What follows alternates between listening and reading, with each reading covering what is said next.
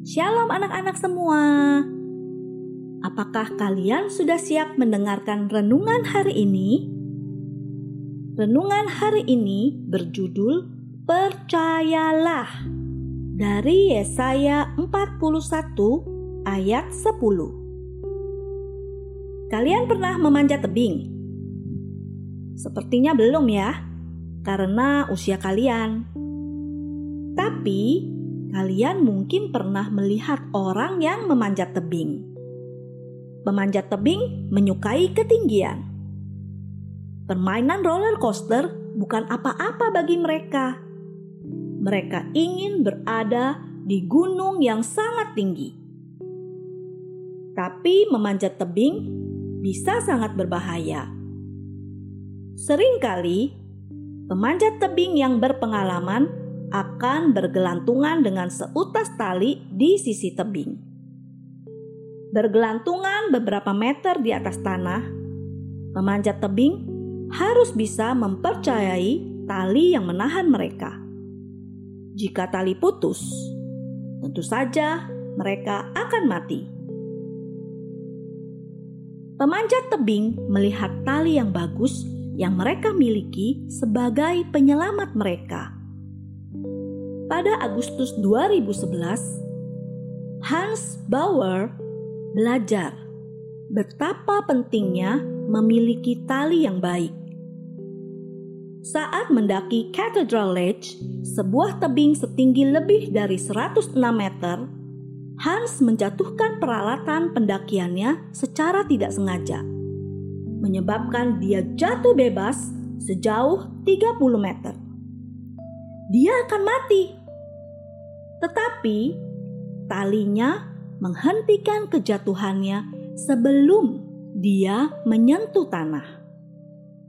Ketika talinya diperiksa kemudian, tali itu hampir tidak utuh, tetapi itu telah menyelamatkan hidupnya.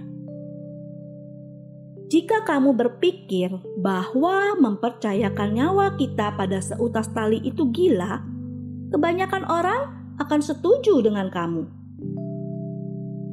Tetapi sementara kamu mungkin tidak ingin menaruh kepercayaan sebanyak itu pada tali, karena tentu saja kamu bukan pemanjat tebing. Tetapi Tuhan ingin kamu menaruh kepercayaan sebanyak itu kepadanya. Dalam Yesaya 41 ayat 10, Tuhan berjanji untuk meneguhkan kita.